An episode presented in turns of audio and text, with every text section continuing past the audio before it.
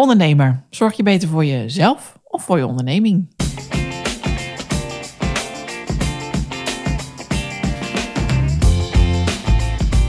Hey, fijn dat je luistert naar de Scheidpodcast.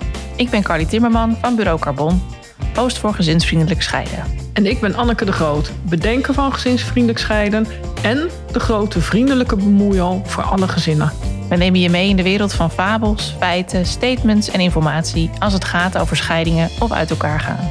Welkom.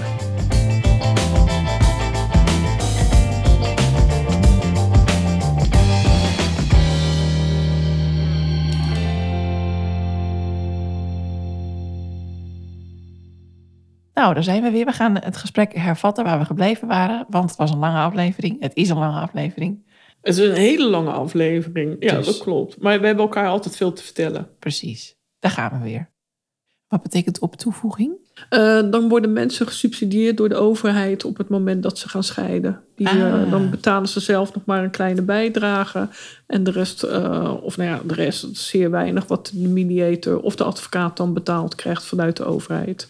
Oké. Even heel recht toe recht uit uitgelegd. Ja. Ja.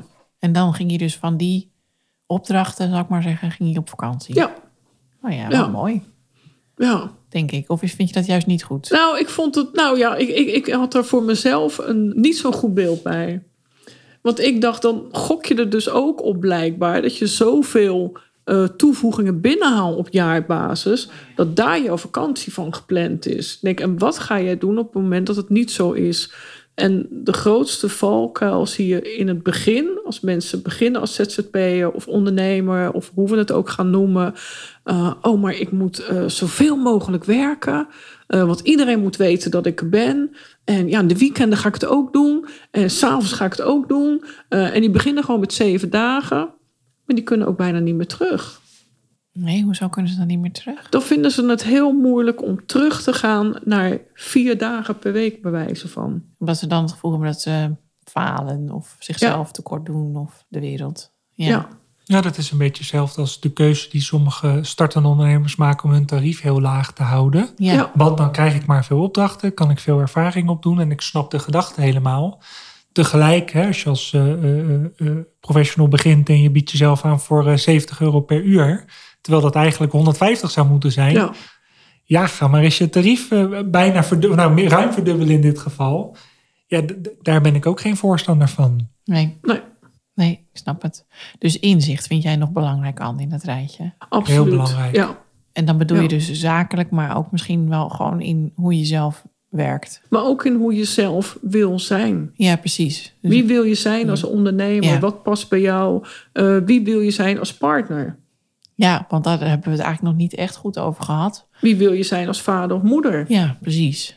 Want je hebt natuurlijk dan die onderneming, dat is hartstikke Ja. leuk. Er gaat een hoop tijd in zitten. En dan op een gegeven moment zegt je vrouw of je man... nou, fijn, maar dit wil ik niet. Zo, we stoppen ermee. We trekken de stekker eruit. En dan, wat gebeurt er dan? Wat zien jullie dan gebeuren in de praktijk? Chaos. ja, ja, dat is wel echt het eerste wat bij me opkomt. Vooral, en de, de weet Bert denk nog, nou, dat weet ik wel zeker dat jij daar meer weet van ik, op het moment dat het over die cijfers gaat. Wow, dan is het gewoon oorlog. Echt serieus. Ja, Ja, deel jij die ervaring, eh Berry? Eh, nou, niet helemaal in die zin, omdat wat ik merk is dat ehm, mensen kiezen bewust voor mij in dit soort gevallen. Enerzijds, kijk, ik heb wel de visie dat als mensen voor mediation kiezen, dan doen ze dat met een bepaald doel. Omdat ze niet willen strijden, omdat ze het goed willen oplossen met elkaar. Tegelijk is het inzicht wat er tot nu toe niet was, wat wel gegeven wordt, kan inderdaad wel voor oorlog zorgen. Wat ik wel merk is dat de ondernemer vaak zegt: Oké, jij hebt verstand van ondernemers bij scheiden, dus ik vind het fijn dat iemand met die ervaring meekijkt. Ja. Maar ook de niet-ondernemer maakt vaak die keuze. Omdat ik wel denk dat ik die cijfers makkelijk kan uitleggen. En ik ga niet tot in details, want dat, dat heeft geen zin. Maar wel in, hoe zit het nu eigenlijk met die onderneming? Wat is er voor inkomen geweest de afgelopen jaren? Wat was de winst? Waar hebben jullie van geleefd? Wat is de waarde van die onderneming? En stel dat ik die onderneming nu zou verkopen, wat zou die dan waard zijn? En ik merk in scheidingen, overigens ook bij de niet-ondernemers, dat inzicht geven vaak al voor rust zorgt. Waar staan we nu? Uh, wat kunnen we verwachten? Wat kan er wel? Wat kan er niet? Dat geeft vaak al wel een, een stukje rust. Mhm. En, en daarom vind ik het ook eigenlijk gek dat er mediators zijn die niet de inhoudelijke kennis hebben uh, in zijn algemeenheid, maar, maar zeker als het gaat over ondernemers, die wel scheidende ondernemers begeleiden. Omdat, nogmaals, ik vind het echt een andere tak van sport. En je bent niet beter als je het wel kan of, of, of, of minder goed als je het niet kan. Maar ik denk wel dat je moet wel weten wat is de dynamiek van het ondernemerschap. Uh, hoe ziet zo'n balans eruit? Wat betekent dat in het totaalplaatje van die scheiding? Dat moet je wel beheersen. En daar moet je beide partners in mee kunnen nemen. Dus zowel de ondernemer als de niet-ondernemer. Ja, wat, wat gebeurt er nu eigenlijk? Ja. Want er zit ook wel vaak een verschil in kennis dan Ja. bij die beide partners Enorm. die bij jou aan tafel zitten. Zeker. Dus je moet het ook aan de partner die geen ondernemer is en daar nooit mee bezig is geweest, totaal geen inzicht heeft. eh, eh, wat is een balans? Ja. Bij wijze van. En als jij dat niet in Jip en Janneke taal uit kan leggen en daar ook de tijd voor krijgt hè, om dat te doen, ja, dan heb je wel een hele lastig gesprek. En wat natuurlijk heel ingewikkeld is, is dat bij zo'n scheiding, een van de dingen die ik heel vaak zie, is dat het vertrouwen kapot is. Dus eigenlijk is de enige die die onder, de- of de persoon die die onderneming het allerbeste kent, namelijk de ondernemer zelf, is niet meer de persoon waar het vertrouwen is om uit te kunnen leggen aan, aan de, de toekomstige ex-partner hoe het in elkaar zit. En dan kun je wel in jouw rol als ja, mediator, scheidingsbegeleider, in ieder geval als, als, als objectieve derde, kun je de partner van de ondernemer wel meenemen in wat staat er nu eigenlijk, hoe zit het nu eigenlijk, Eh, eh, wordt er gesjoemeld met cijfers, zie je gekke dingen. Dat geeft vaak wel rust. ja. En wat betekent het dus ook voor de toekomst? En wat betekent het voor de toekomst? Want het is, denk ik, eh, jij vertelde dat voor de uitzending al even, Berry, dat vaak ondernemers op dat moment zeggen: Ja, eh, leuk dat we uit elkaar gaan, maar ik wil wel voor de kinderen ook zorgen. Terwijl de niet-ondernemende partij, noem ik het toch maar even, dan denkt: Ja, ja, maar dit is nu precies de reden dat ik wegga, is dat je er nooit bent. En nu ineens wil je wel iets met de kinderen gaan doen. Ja, als we het hebben over oorlog, is dit een moment waarop soms wel de verhoudingen verscherpen. Heel vaak zie ik dat eigenlijk de boodschap is: ja, we gaan uit elkaar, je bent er toch nooit. Ja, We zijn elkaar totaal kwijtgeraakt. Je was alleen maar bezig met de onderneming. En nu wil je een week de kinderen. Nu gaan we uit elkaar. En nu ga, wil je een co-ouderschap? Wil je de helft van de tijd kinderen? Hoe dan? ja, Ja, dat betekent dat ik minder ga werken, dat ik mijn tijd anders in ga delen. Nou, aan de andere kant komt het stoom uit de oren van de niet-ondernemer. Hier, ik ben al jaren op de deur aan het kloppen dat ik dit wil. ja, En nu kan het ineens. Oké, en dan is vervolgens de volgende stap. Dat betekent ook nog eens dat de omzet naar beneden gaat. Ja. Dus dat er minder overblijft. ja, precies. Ja, dit verscherpt de verhoudingen. En daar is het mijn rol om daar in het gesprek te begeleiden. Wat in mijn optiek dus eigenlijk in de jaren daarvoor meermaals gevoerd had moeten worden. Ja, Maar niet is gevoerd. ja, Het is natuurlijk wel een enorme wake-up call. Hè, op het moment dat iemand zegt: Ik wil niet meer met jou verder. Soms is dat nodig om te komen tot het besef: hé, hey, ik ben eigenlijk niet zo goed bezig voor mezelf en voor de anderen als ik zou willen. Ik werk heel hard, mijn onderneming gaat heel goed. Maar alle andere dingen die ik eigenlijk heel belangrijk vind, waar ik niet bij stil heb gestaan, die gaan niet zo heel erg goed. ja. En die vind ik wel belangrijk, want de band met mijn kinderen is wel heel belangrijk. En zie je dan ook nog wel eens dat dat dan na zo'n gesprek, als de inzichten er zijn en dit, dit dus toch ter tafel komt, dat ze dan elkaar toch nog kunnen vinden? Nou, dat gebeurt best wel eens. Wij merken wel eens aan tafel dat dan ineens het gesprek wel gevoerd wordt. Ja, En je soms, soms zitten mensen aan tafel. Kijk, ze komen altijd in de basis omdat ze willen scheiden. Maar soms willen mensen ook scheiden omdat ze niet meer weten hoe ze samen verder moeten. En als op een gegeven moment die ruimte ontstaat om dat gesprek wel te voeren, dan zie je dat mensen daar ja, wel kunnen komen. Afgelopen jaar hadden we zo'n stel, die, die kwam eigenlijk, nou, die kwam wel bij ons met de boodschap, we gaan het traject doorlopen, maar pas aan het einde de beslissing nemen of we wel of niet uit elkaar gaan. Ehm, en, en met name de man hier heeft denk ik een hele mooie ontwikkeling doorgemaakt in, in, in die periode. Hard aan zichzelf gewerkt, ook in de balans tussen het stukje ondernemerschap en het stukje gezin. En uiteindelijk hebben zij na de zomervakantie laten weten, wij gaan samen verder. Ja, dat is het allermooiste natuurlijk. Ik bedoel, ik ben scheidingsbegeleider in de basis. Dat betekent dat ik mijn geld verdien met mensen die uit elkaar gaan. Maar wat mij betreft wel alleen maar als mensen echt niet meer samen verder kunnen. En als mensen wel samen verder kunnen, heeft dat natuurlijk wel altijd de voorkeur. ja, ja, mooi. En fijn dat dat dus eh, Zeker, ja. ook kan. Dat Ja. zijn ook de goede verhalen. Heb jij dat wel eens gehad, dan? Ja. Ja, dat is wel, vind ik, het leukste. En vooral eh, voor het gezin, omdat ze gewoon bij elkaar kunnen blijven.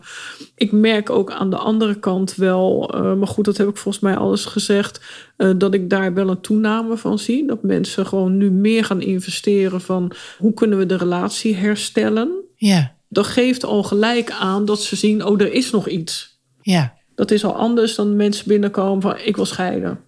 En soms, en ik denk dat Barry dat ook wel ka- kan zien, je ziet aan de cliënten of ze dat daadwerkelijk ook willen en de beslissing al hebben genomen. Eens, ja. Dat zie je gewoon. En wat ik wel heel mooi vind daaraan, Anneke, ik, eh, ik had een paar weken geleden, mensen waren bij ons op gesprek gekomen. En eh, Joyce doet bij ons altijd de, de eerste gesprekken. En zij kwamen bij ons voor mediation. En tijdens het eerste gesprek was eigenlijk de conclusie van ja, eigenlijk weten we niet of we uit elkaar willen. Dus nou, ik werd dan on hold gezet, want ik mag me er pas mee bemoeien als mensen echt gaan scheiden. Want dan gaan we het, het financieel Ja. ontvlechten. En Joyce heeft een paar gesprekken met hun gehad. En uiteindelijk ja, hebben zij besloten om uit elkaar te gaan. En als je bij ons de praktijk binnenkomt, heb je recht Joyce de ruimte. En rechtdoor heb je mijn ruimte. En die meneer stapte binnen die zei, ja, nu gaan we door het volgende deurtje. Nu is het echt. En wat ik wel mooi vond, is dat ik bij, wat ik bij hun allebei zag, is dat zij nu gezamenlijk overwogen de keuze hebben gemaakt. Wij gaan niet meer samen verder. En van daaruit nu eigenlijk de scheiding aan het regelen zijn, waar we heel soepel doorheen lopen, omdat de verhoudingen anders zijn. En op het moment dat een van beiden de boodschap brengt, zie je toch dat er een andere dynamiek is. En nu hebben zij tijd en energie gestoken in, ja, komen we samen tot deze keuze? Ja, we komen samen tot deze keuze. Nu is het ook echt een gezamenlijke keuze en gezamenlijk gedragen keuze. En van hieruit gaan we elkaar in liefde loslaten, zoals ze dat dan mooi zeiden. ja. Ja, dat vind ik ook heel mooi om te zien. Dat ze dan toch wel de tijd en energie erin stoppen om het, om het in dit geval goed af te ronden met elkaar. ja. Om tot die keuze te komen. Om tot die keuze te komen, Ja. ja. Ja, dat lijkt me ook mooi, ja. En ik denk dat dat altijd ook wel de vraag, eh tenminste voor mij is dat altijd wel de vraag in het eerste gesprek.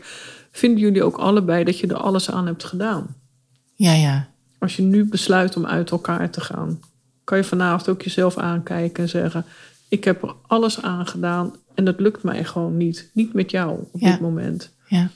En dan zie je toch vaak één van de twee, nou, ja, Even aarzelen. alles. Ja. mm, ja, nou ja, wat zou je dan nog kunnen doen? Want alles wat je nu laat liggen, kan je straks niet meer herstellen. Dan is het wel klaar. Ja, Ja. En ik denk wel dat het ja, best makkelijk opgelost zou kunnen worden om te zorgen dat gewoon boekhouders, accountants. ehm wij merken, de scheidpodcast wordt steeds beter beluisterd. We kregen zelfs een e-mailtje van de Belastingdienst of dat we ze wilden noemen, wilden verwijzen. echt. Ik hoor dit nu ook voor het eerst. ja, Bij deze. Ja, ik heb hem vorige week binnengekregen van de PR-afdeling van de Belastingdienst om eh, aandacht te besteden aan het moment van de belastingingifte, het jaar dat mensen uit elkaar gaan. En dat is echt een ingewikkelde aangifte, dat, dat kunnen wij ook wel beamen. Eh vraagt er ook hulp bij. Nou, wat goed dat de Belastingdienst dat even aangeeft. Ja, Hulde. goed hè? Dat Ja. is gewoon naar ons luisteren Ja. ook. Ja, terecht. En kwaliteit loont altijd. En ja, dat ik denk dat het makkelijk in te voeren is dat accountants en boekhouders gewoon één keer per jaar eh, zeggen van joh, prima om de cijfers door te nemen. Ik vind alleen wel belangrijk dat ook een partner daarbij aansluit. Zij zijn meestal ook wel op de hoogte hoe mensen getrouwd zijn of niet, of dat het samenwoond zijn, wat is er geregeld. En ik denk dat dat altijd belangrijk is om stil te staan bij en met elkaar. Waar zitten we nu in? Ik denk dat we daar gewoon ook wat alerter op moeten zijn. En het is lastig natuurlijk dat als jij ondernemer bent en je gaat uit elkaar en ook partner, zij hebben gewoon niet de kennis die wij hebben. Dus het is lastig om mensen maar te blijven wijzen op het feit: zorg dat je een goede begeleider hebt. Nou, wie is dan een goede begeleider? En wat ik nu een paar keer gezien heb in convenanten, soms check ik even convenanten mensen uit, uit elkaar gaan, eh, wat mist daarin? En het viel mij nu op, wat mist dus, dat als mensen een BV hebben en er zijn aandelen, dat die dan dus niet overgedragen worden na de scheiding. Herkenbaar.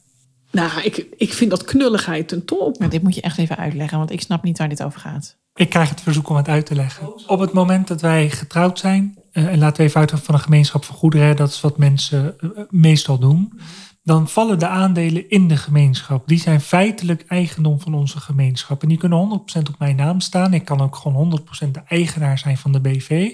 Maar feitelijk, juridisch gezien, vallen ze in ons gemeenschappelijk vermogen. En dat betekent dat op het moment dat wij uit elkaar gaan, die aandelen bij de notaris vanuit, in dit geval jouw aandeel in de gemeenschap, overgedragen moet worden, geleverd moet worden aan mij. Eigenlijk hetzelfde als wat met een huis gebeurt. Hè. Op het moment dat wij in de gemeenschap een huis hebben, ongeacht op wiens naam die staat, dan is dat een gemeenschapsgoed. En dan moet die bij ontbinding van de gemeenschap geleverd worden aan nou, de partner die er blijft. Dat komt vaak gewoon niet terug in convenanten. Ja. Nu dus de aandelen bedoel je In dan? dit geval Ja. de aandelen, ja. Ja, ja. Oké, want dan betekent dus dat er een mediator bij betrokken is geweest die dat niet snapt. Nou, ook advocaat hoor. Oh ja, ook dat nog. Ja, Ja. ja. ja want dat, jij zei dat net aan, van het is zo belangrijk dat er inzicht is en dat je dus dat gesprek met elkaar aangaat. Maar ik denk dus ook dat sommige stellen niet weten waar ze dan over moeten praten. Omdat ze gewoon simpelweg dat inzicht nog niet hebben. Nee, en dat is dus inderdaad waar het kennisniveau ook gelijk anders is van partners. En je kan ze dat ook allebei niet kwalijk nemen. En ik denk dat er vaak gesprekken dan worden gevoerd, half jaar, nou we gaan weer eens uit eten. En eh, goh, nou hoe gaat het eigenlijk met het bedrijf? Ja, dan gaat het gewoon goed. Joh, weer een nieuwe opdracht binnen. En eh, nee hoor, je hoeft je geen zorgen te maken. Het gaat gewoon lekker. Ja. Ja. Nou, oké. Nou, wat voor soep ga jij nemen? Ja, Dat is, dat denk is hoe ik het ook, gaat. Dat is denk ik ook wat we aan tafel zien, waardoor er bij ons aan tafel soms andere dingen gebeuren. We zijn geen tovenaar, we veranderen de wereld niet. Maar wat we wel doen, is dat we weten welke vragen we moeten stellen. ja exact. En door de juiste vragen te stellen, kun je ook het juiste gesprek voeren. En we hadden het net voor, voordat we gingen opnemen, hadden we het over dat we in een maatschappij leven waar heel veel symptoombestrijding is. Dus als er een probleem is, dan gaan we dat oplossen. En dat we eigenlijk meer zouden moeten naar een wereld waarin we preventief dingen doen. Ja. En dat geldt dus ook over dit soort onderwerpen. Als je kijkt naar wanneer gaan mensen in relatietherapie, ja, op het moment dat het niet goed gaat Ja, eigenlijk zou het het allermooiste zijn als mensen in relatietherapie gaan op het moment dat het nog wel goed gaat. ja, Ja. Want dan kun je eventuele zaken die dan niet zo lekker lopen gladstrijken, bespreken met elkaar. Kan iemand de juiste vragen stellen? Die kan net even die verdiepende vragen stellen om toch even op, op, op de kern te komen. En, en je kan mensen soms niet kwalijk nemen dat ze dat gesprek niet voeren, omdat ze zelf niet weten hoe dat gesprek te moeten voeren. En dan zou het mooi zijn als er wel begeleiding in zit. En dat geldt net zo goed inderdaad voor die ondernemer en zijn of haar partner. ja. Ja, eh, waar, waar moet je nu eigenlijk afspraken over maken? Ja. Waar, en daarom zeg ik, in onze opleiding tot scheidingsbegeleider, zeg ik ook vaak, die is ook heel waardevol als je bijvoorbeeld financiële planning doet of hypotheekadvies doet. Omdat als je weet waar het aan de achterkant misgaat, weet je dus ook wat je aan de voorkant zou moeten bespreken met mensen. En, en daar is denk ik te weinig begeleiding in. En dat is wel eens jammer, want ja, veel mensen die uit elkaar gaan die het gesprek niet hebben gevoerd. Het is, het is lang niet altijd vanuit onwil niet gevoerd, maar ook gewoon vanuit onkunde, het niet weten. Ja, wat moeten we nu eigenlijk bespreken met elkaar? Waar moeten we dan op letten? Wat is die verdiepende vraag die ik moet stellen? ja. En dat is wat zeker. wij aan tafel natuurlijk wel doen op het moment dat mensen uit elkaar gaan. Ja, Ja, en dat is wel op het moment dat de zon schijnt in je relatie en je voelt je goed, dan heb je ook ruimte. Ook in je hoofd en je hart om het met dingen over te hebben. Zeker, kijk bijvoorbeeld in de periode dat je verliefd bent. Alles is leuk van die ander. En oh, dat hij de dop niet op de tube staat doet. En de schoen op de trap laat staan, hè Carly? genieten, nou, ja. Dat vinden we allemaal fantastisch. Later komen daar pas de ergernissen over. Maar op het moment dat het goed gaat, moet je daar met elkaar over praten. Want dan is de ruimte er. En op het moment dat jouw hoofd vol zit met ergernissen en verdriet en angsten. En het is allemaal eigenlijk niet zo heel erg leuk meer. ja, Dan wordt een gesprek veel lastiger. ja. ja, dat denk ik ook. En we zijn het niet gewend. We krijgen het niet mee. Nou ja, dat is inderdaad nog, nog zo'n preventief onderwerp Ja. natuurlijk. Dat je in het onderwijs zou het toch zo heerlijk zijn als je gewoon iets meer handvatten krijgt op het gebied van geldzaken, relaties en communicatie. Nou Ja. ja, dat is, daar kunnen we nog een hele podcastserie over vullen. Oh, zeker. Ja. Heb jij gezegd wat je wilde zeggen, Anne? Nou, volgens mij wel, als ik heel eerlijk ben. En ja, ik denk voor mij zit wel de zorg inderdaad bij de ondernemers die verdwijnen in hun werk. En dat geldt natuurlijk niet alleen voor ondernemers. eh, maar daar zien we gewoon de zwaardere werkweken voorbij komen dan bij mensen die in loondienst zijn. Daar, daar zit echt wel verschil in. En dat daarin toch dan de samenhang gaat missen op een gegeven moment met het gezin. De verbinding met de partner, de verbinding met de kinderen. En dat je niet alleen, je kan niet alleen ondernemer zijn. Nee. En als je vraagt aan mensen, goh, wat ben jij? En dan is het vaak, ja, ik ben ondernemer. Ja. En? ja. En je hebt een partner en je hebt Ah, maar dan kinderen. is het al stil. Als ik zeg, en? Oh ja. Ja, nou, ik ben ondernemer. Dat, zeg, dat vroeg je toch? En je bent meer dan die ondernemer. Je bent vader, je bent neef, je bent broer, je bent partner. Eh, ja, je, je bent zoveel meer dan dat. Ja. En hoe ga je daar invulling aan geven? En dan plannen ze wel altijd elke week de vrijdagmiddagborrel. Ja. En op zaterdagochtend even squashen met een leuke partner van het werk. Plan je vrouw in alsjeblieft en je kinderen. Ja, of je man en je kinderen. Of je man en kinderen, Dat nog even zeker. benoemen. Ja. Carly draait het altijd even om. Die is echt wat omdenken. Hè? Heel Heel, goed. goed, Car. Heel goed. Maar het is wel interessant wat je zegt, want het gaat over. Je, als je de vraag stelt wie ben je, ik ben ondernemer. Ja, Maar feitelijk ben je, je bent een aantal gedaantes of een aantal rollen. Ja. En je bent die ondernemer, je bent vader, je bent zoon, je bent partner. En, en het is mooi om, heel vaak denkt de ondernemer wel na wie wil ik zijn als ondernemer. Maar niet wie wil ik zijn als partner, wie wil ik zijn als vader. En dat zijn wel mooie vragen om jezelf te kunnen stellen. Ja, wie wil ik, hè, wil ik eigenlijk zijn in al die verschillende rollen? ja. Dus, dus dat is wel belangrijk. En wat ik nog en ook voor de first profit. Daar zou je ook een mooi lijstje van kunnen maken. Ja, zeker. 100% ondernemer betekent 0% partner. Ja, je hebt dus ook. Je hebt, ik heb een, een, een journal wat ik bijhoud, waarin een soort eh, levenswiel zit. Waarin verschillende onderwerpen voorbij komen. En dat gaat over gezondheid, dat gaat over relaties, dat gaat over eh, geld. En dan kun je jezelf een cijfer geven van 0 tot 10. Waarmee je heel snel inzichtelijk hebt op: oké, waar moet ik nu eigenlijk meer aandacht aan besteden? En dan kun je dus zeggen: oké, als die onderneming op eh, 9 staat, maar mijn relatie staat op 4, moet ik misschien komend kwartaal eens vooral de focus hebben op de relatie. En als we dan na een kwartaal tot de conclusie komen: oké, die relatie staat op een 9, maar mijn gezondheid staat nu op 3, want ik heb wel heel hard aan mijn relatie en mijn onderneming gewerkt, maar niet aan mijn gezondheid. Misschien moet ik daar dan de focus op leggen. Dus dat is zeker wel een belangrijke. En wat ik ook nog wel wilde toevoegen, waar we, we staan nu vooral stil bij het emotionele proces in, in het gesprek voeren met elkaar. Wat ik ook wel veel mis tussen ondernemers is, wat betekent die onderneming nu in onze onderlinge verhoudingen, qua inkomen en qua vermogen? Heel vaak zie je, zeker j- jullie hebben het natuurlijk al een aantal malen gehad over de samenwoners, die eigenlijk te weinig hebben geregeld met elkaar. Maar we zien het ook in huwelijksvoorwaarden, die bijvoorbeeld worden opgesteld om die onderneming erbuiten te houden. Ja, dat, dat, loopt, dat, dat geeft wel het risico dat die onderneming heel veel waarde krijgt, doordat er vermogen wordt opgebouwd, doordat eigenlijk niet alles als salaris wordt genoten. Mhm. Maar dat dat wel achterblijft bij de ondernemer op, dat, op het moment dat mensen uit elkaar gaan. En wat ik dan aan tafel zie is dat de niet-ondernemende partner zegt: Ja, jij hebt makkelijk praten, want hè, jij hebt altijd kunnen werken. Jij hebt die onderneming kunnen bouwen. Dat is toch van ons samen? Daar hebben we samen hard aan gewerkt. En de ondernemer, maar ook de juridische status zegt: Nee, die onderneming is van de ondernemer, blijft ook van de ondernemer. Ja, en als er een hoop vermogen in zit, dan is dat heel fijn. Maar blijft in beginsel bij de ondernemer. Ja. Ja, En mensen beseffen zich soms niet ja, wat de impact ook is van de onderlinge afspraken die gemaakt worden. In de samenlevingsovereenkomst, in huwelijksvoorwaarden. En daar zie ik ook wel eens dat, het, dat de verhoudingen verscherpen op het moment dat mensen uit elkaar gaan. ja. Want waar moet je dan dus het gesprek over voeren met elkaar? Nou, ik denk vooral in wat betekent dit voor ons? Ik heb een, een, een stel mogen begeleiden die redelijk gelijkwaardig in de relatie zijn gestapt. In een samenwoonrelatie, betaalde ook gezamenlijk 50-50 de kosten van de huishouding en dergelijke. En meneer had een ondernemingje en deed dat erbij. Daar kwam wat inkomen uit. Ja, en die onderneming heeft nu serieus waarde, echt met veel nullen. En, maar goed, nog steeds leven zij in de samen onder, de, dezelfde onderlinge verhoudingen. In een heel duur huis, wat alleen maar gekocht kon worden omdat de onderneming succesvol was. Maar ja, eigenlijk als ik heel juridisch naar hun situatie kijk, de onderneming is van de ondernemer. De aflossingen zijn eigenlijk altijd betaald door de ondernemer. Dus die komen ook volledig ten gunste van die persoon. Dus je krijgt een enorm scheve verhouding. Mhm. En ik heb aan hun gevraagd van, joh, hebben jullie dat gesprek nooit gevoerd? Want nou, er zijn meerdere accountants betrokken. Het is echt een serieuze onderneming. Is er niemand die, die jullie hierop heeft gewezen?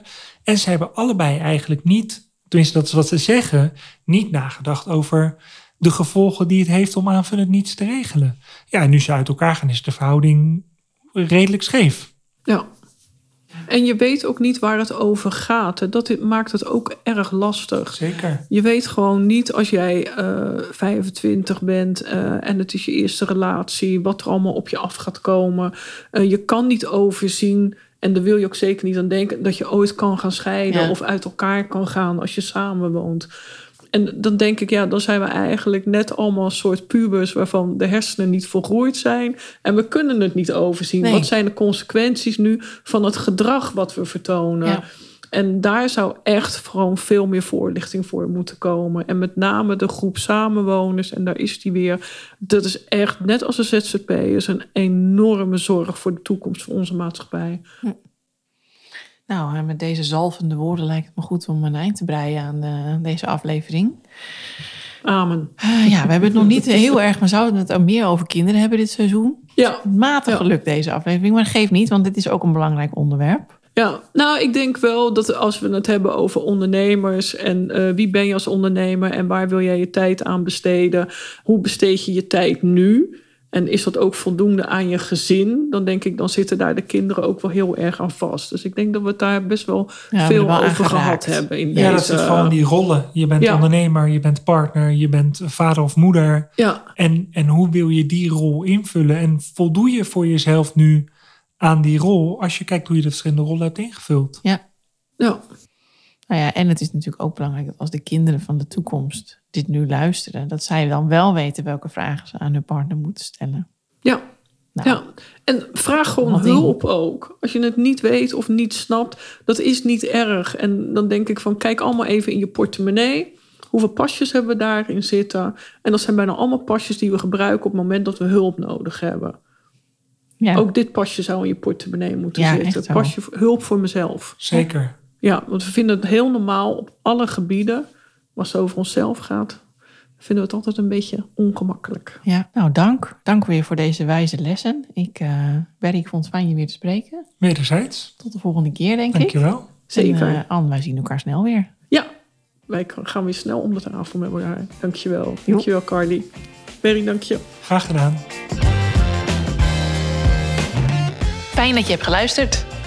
Heb je een vraag, een tip of wil je gewoon even je eigen verhaal kwijt? Laat het ons weten via info.gezinsvriendelijkscheiden.nl Oh, en eh, je mag natuurlijk altijd een beoordeling achterlaten, sterren uitdelen of de aflevering delen met je vrienden, familie of collega's.